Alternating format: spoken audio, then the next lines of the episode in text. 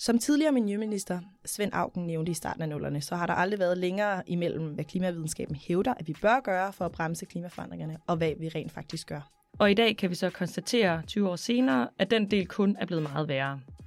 FN slår rød alarm for menneskeheden, og hvis vi ikke tager os gevaldigt sammen, så står vi i en rigtig, rigtig dårlig sted. En dansker udleder op imod 17 tons CO2 om året, og vi skal cirka ned på 2-3 stykker for at leve op til Paris-aftalen. Så det tæller virkelig, hvad og hvilken klimapolitik Danmark fører i de næste år. Ved sidste folketingsvalg i 2019, der vurderede valgforskere, at det var Danmarks historiens første klimavalg. Nu er der gået en hel valgperiode, og spørgsmålet er, om vælgernes klimadagsorden er rykket ind bag de tykke mure på Christiansborg. Har partierne reelt gennemført den grønne politik i forhandlingslokalerne, eller kan alle egentlig bare sige, at de er grønne uden reelt at være det? Hvis du føler dig lidt overvældet over at skulle finde rundt i partiernes uigennemskuelige grønne løfter i en valgkamp, eller orker du ikke at sidde og gennemsøge partiprogrammer, og hvad de egentlig har stemt for de sidste tre år, så er vi her for dig. For hvad er bullshit for hvert af partierne, og hvad er reel klimapolitik? Det gennemgår vi i den her podcast-serie, for det er enormt rart at vide, inden man skal sætte sit kryds. Hej Karo. Hej Mette. Skal vi optage en podcast i dag? Ja, det kan du tro, vi skal. Hvem skal vi tale om? I dag så skal vi tale om Nyborgerlige. Ja, som sidder i Folketinget med ikke så mange mandater. Det ligner, at de kommer til at gå frem. Okay. Hvilket gør mig virkelig bekymret, men det kan vi komme tilbage til. Pitch, Pernille Vermund. Pitch ja. din klimapolitik til mig. Jeg kommer til at pitche Nyborgerliges klimapitch. Det kommer her. Så i Nyborgerlige, der tror vi ikke på 70%-målet. Vi tror, det er klimanationalisme, fordi Danmarks udledninger kun står for 0,1% af verdens udledninger. Så det gør ingen verdens forskel, hvad vi gør. Vi skal derfor ikke have nogen forceret omstilling, fordi det bare kommer med helt vildt mange omkostninger for vores samfund.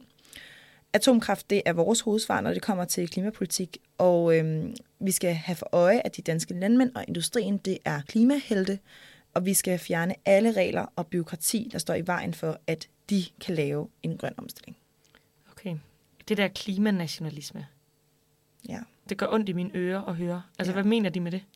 Det, de mener, er jo, at Danmark, fordi vi er et lille land, så øh, står vi ikke for den samlede del af verdens udledninger. De er ret ligeglade med, hvor meget man udleder per indbygger. Mm. Og derfor så er det andre lande, der skal gøre noget, og ikke Danmark. Det føder jo ind i noget, som jeg har lyst til at introducere meget tidligt, når det kommer til Nyborgerlige, som man skal have i mente. Og det er jo, at de er klimaskeptikere. Ja. Men de er ikke klimaskeptikere på den, i den traditionelle forstand, ved at normalt, når man ligesom taler om klimaskeptikere før i tiden, så vil man sige, det er folk, der ikke tror på, at klimaforandringer er menneskeskabte. Ja. Det her, det er hvad akademikere nu har navngivet klimaskepsis 2.0. Mm. Og klimaskepsis 2.0, det handler om netop om sådan noget med at sige klimanationalisme, fordi det, det gør, det er at sige, at i vores samfund, så kan vi ikke gøre noget. Det vil sige, at man, man mindsker det politiske handlerum. Øh, og så er det ligesom ved at underdrive, hvad vores indflydelse på klimaforandringerne er, hvor store ødelæggelser vi også gør ved at udlede i Danmark. Ikke? Vi ved jo fra FN, når de siger, hvert ton CO2 tæller. Altså, fordi hver fraktion af en grad, vi stiger med i temperaturstigninger, tæller. Så det vil sige, alt tæller. Så derfor så er det fuldstændig forkert, når Nye lige går ud og siger, at det er det ikke. Så der er rigtig meget i det her, som de siger, som taler ind i den her klimaskepsis 2.0, ved at man netop bare siger sådan, at Danmark er fritaget.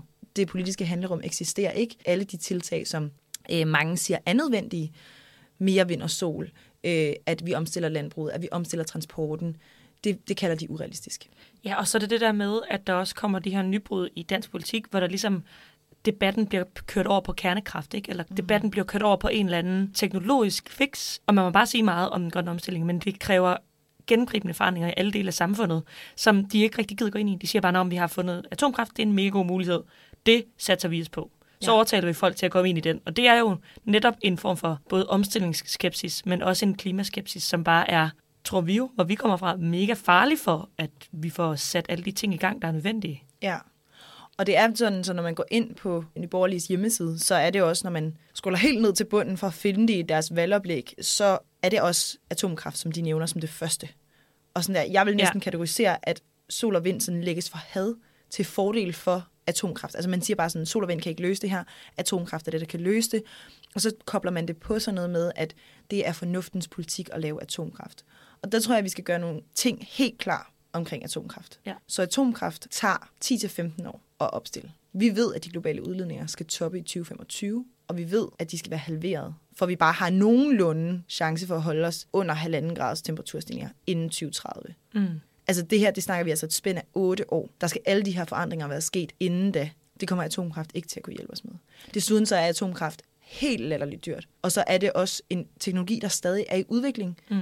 Vi anerkender helt sikkert, at der har været nogle teknologiske fremskridt på atomkraft, men sådan, man er bare slet ikke et sted, hvor man har løst de problemer med affaldet, der eksempelvis kommer fra atomkraft. Så man kan sige, lad os bruge den løsning til at løse klimakrisen. Så det er fuldstændig sådan absurd for mig, at man overhovedet bringer det på banen, når vi taler om, at der skal skabes reduktioner inden 2025. Fordi de kan ikke svare på, hvordan laver vi den her omstilling lige så hurtigt, som FN's klimapanel fortæller os, at vi skal lave den for at undgå enorme ødelæggelser i hele verden, også i Danmark. Og det synes jeg er sindssygt uansvarligt. Og det er jo bare netop et røgslør for, at man ikke har lyst til at gøre noget. Altså det er det, det handler om. Det handler om, at man gerne vil finde et eller andet andet, der ligger ude et sted, hvor som man kan pege på og sige, se venner, jeg har den gode, fede, visionære løsning. Og det er jo atomkraft for de borgerlige. Mm. Og de har jo ikke netop, som de siger, uh, grøn omstilling skal ikke blive for dyrt, det skal ikke gå ud over. Og man er sådan, du har ikke sat dig ind i, hvad atomkraft som løsning så også er. Mm. For det er nemlig virkelig dyrt.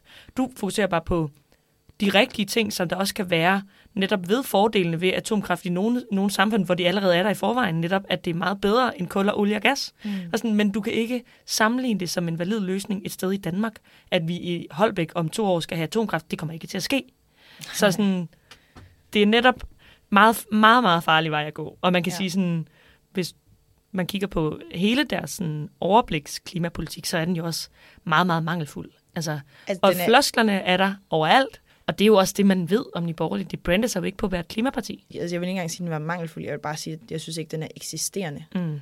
Altså fordi, jo, noget af det, de skriver i deres valgoplæg, men så kan man gå ind og kigge på den her plan, som de har skrevet med CAPS for et mere borgerligt Danmark.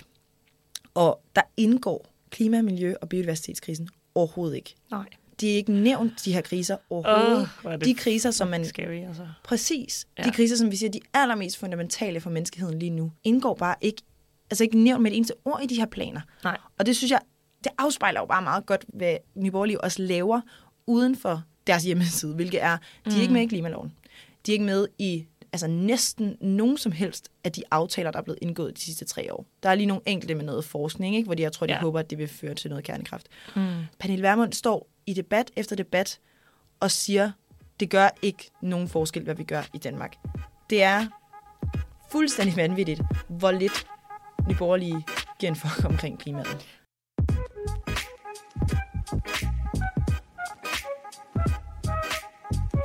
Ja, og det er jo det her med, at de er et økonomisk borgerligt parti, som vil gerne vil gøre det nemmere for de rige og for industrien. Altså det er jo det, de brander sig på. Mm. Altså de siger netop sådan nogle ting som fjerne selskabsskatten og mm. lave, ændre en masse afgifter. Og det er sådan lidt en minimal statstanke sådan tilbage fra Anders få, og det her med sådan borgerligt partier, der mener, sådan staten skal ikke gribe ind i almindelige menneskers liv. Vi skal bare kører der ud af. Mm. Når de skriver noget om industrien, så vil de for alt i verden helst beskytte den og gøre det nemmere for dem. Og der må man bare sige, at al vores erfaringer med politik, der bliver ført for, at industrien skal omstille sig, har været svær, fordi det både er dyrt for virksomhederne selv, og fordi at det tager lang tid. Mm. Og man kan sige sådan, der vil Nye Borgerlige bare sådan ikke hjælpe virksomhederne med at omstille sig, men bare give dem frit spil og også sådan på landbrug og på mange af de andre områder, så går man ligesom ikke ind i problemerne. Man ser ikke sådan, okay, landbruget står for op mod halvdelen af Danmarks udledninger i 2030, men lad os bare fortsætte som nu og blive endnu mere højteknologisk og give dem flere muligheder for bare at gøre, som de gør nu. Det foreslår de for eksempel også, at man bare i højere grad må sprøjte med ting, at man skal omgås EU's krav. Der er rigtig mange ting, hvor jeg tænker, al den lovgivning, der er på klima og miljø, som prøver på at gøre lidt ved nogle af de her ting, det vil de bare sådan omgås. Ja. Er det ikke også sådan, du læser det? Jo, jo, helt sikkert. Og den animalske produktion skal bare forblive, som den er. Ja. Og deres andet ben, som deres klimapolitik går på, det er bare sådan, de kæmpe fans er at fjerne regler. Ja. Altså fjern regler, fjern byråkrati. Ja. Bare lad det være den vilde vesten i landbruget, i transporten, i industrien. Så skal det hele nok løse sig. Og der er det jo der, hvor jeg siger sådan, det er sådan, som det har været, inden vi fik klimapolitik der har det været den vilde vesten. Så ja. det er det, der har skabt, altså fået os ind i den her krise, var, at de her ting ikke var reguleret, mm. så man netop bare kunne udnytte ressourcer, som man havde lyst til, og bare skalere op, og overhovedet ikke tænke på, at hey, vi sgu egentlig også afhængige af nogle økosystemer, der fungerer, Præcis. sådan så vi kan blive ved med at være her. Altså, jo flere penge, jo mere overskud, jo bedre, så er det lidt ligeglad med, hvad for nogle planetære grænser der er. Det virker ærligt talt lidt sådan, når man kigger på den måde, de omtaler grønne tiltag på. Helt sikkert. Det, jeg synes, vi også taler os ind i, det er det her med, at sådan, når Nyborgerlige så endelig er ude at sige, ah, men godt, så går vi faktisk lidt op i miljøet. Så Ja. går, når man går ind og kigger på deres bullet, så er man sådan, okay, naturværdier og miljøet skal beskyttes, det lyder jo overordnet set rigtig godt. Mm. Så er det bare nogle super mærkelige bullets, der ligesom er under. Der er fem forskellige politikker, hvor en af dem er sådan noget, vi skal værne og beskytte jagt som hobby. Hvor jeg er sådan, okay, vi har en natur, der er uddøende i Danmark. Mm. At jagt skal beskyttes som hobby er ikke relevant. Og det samme gør sig gældende for øh, havmiljøet. Så skriver de, at havmiljøet skal beskyttes, men samtidig skal vi også have lov til at fiske tæt på kysterne. Ja. Sådan, det er totalt i modsætning. Det, og det har ingen kobling til virkeligheden overhovedet, Ja, hvad de skriver der. præcis. Og så er der også øh, i deres generelle politik på de her områder Ja. øh, en masse visser. Ja. Og der har jeg fundet et eksempel, som handler om generationsforurening, mm. hvor de skriver, det er et samfundsansvar at rydde op efter tidligere generationers forurening. Vi kan ikke tillade os at ignorere problemerne. Hvis teknologien er til stede til at sikre en ordentlig oprydning, bør der afsættes penge til det, og få det gjort hurtigst muligt. Ja. Hvis, hvis teknologien er til stede. Altså sådan, det er ikke sådan en, selvfølgelig skal vi rydde op efter den forurening, der er sket tidligere, så vi ikke skal leve med den i dag. Men og hvis. Jamen altså. Ja. Jeg synes, det, jeg synes, det er outrageous.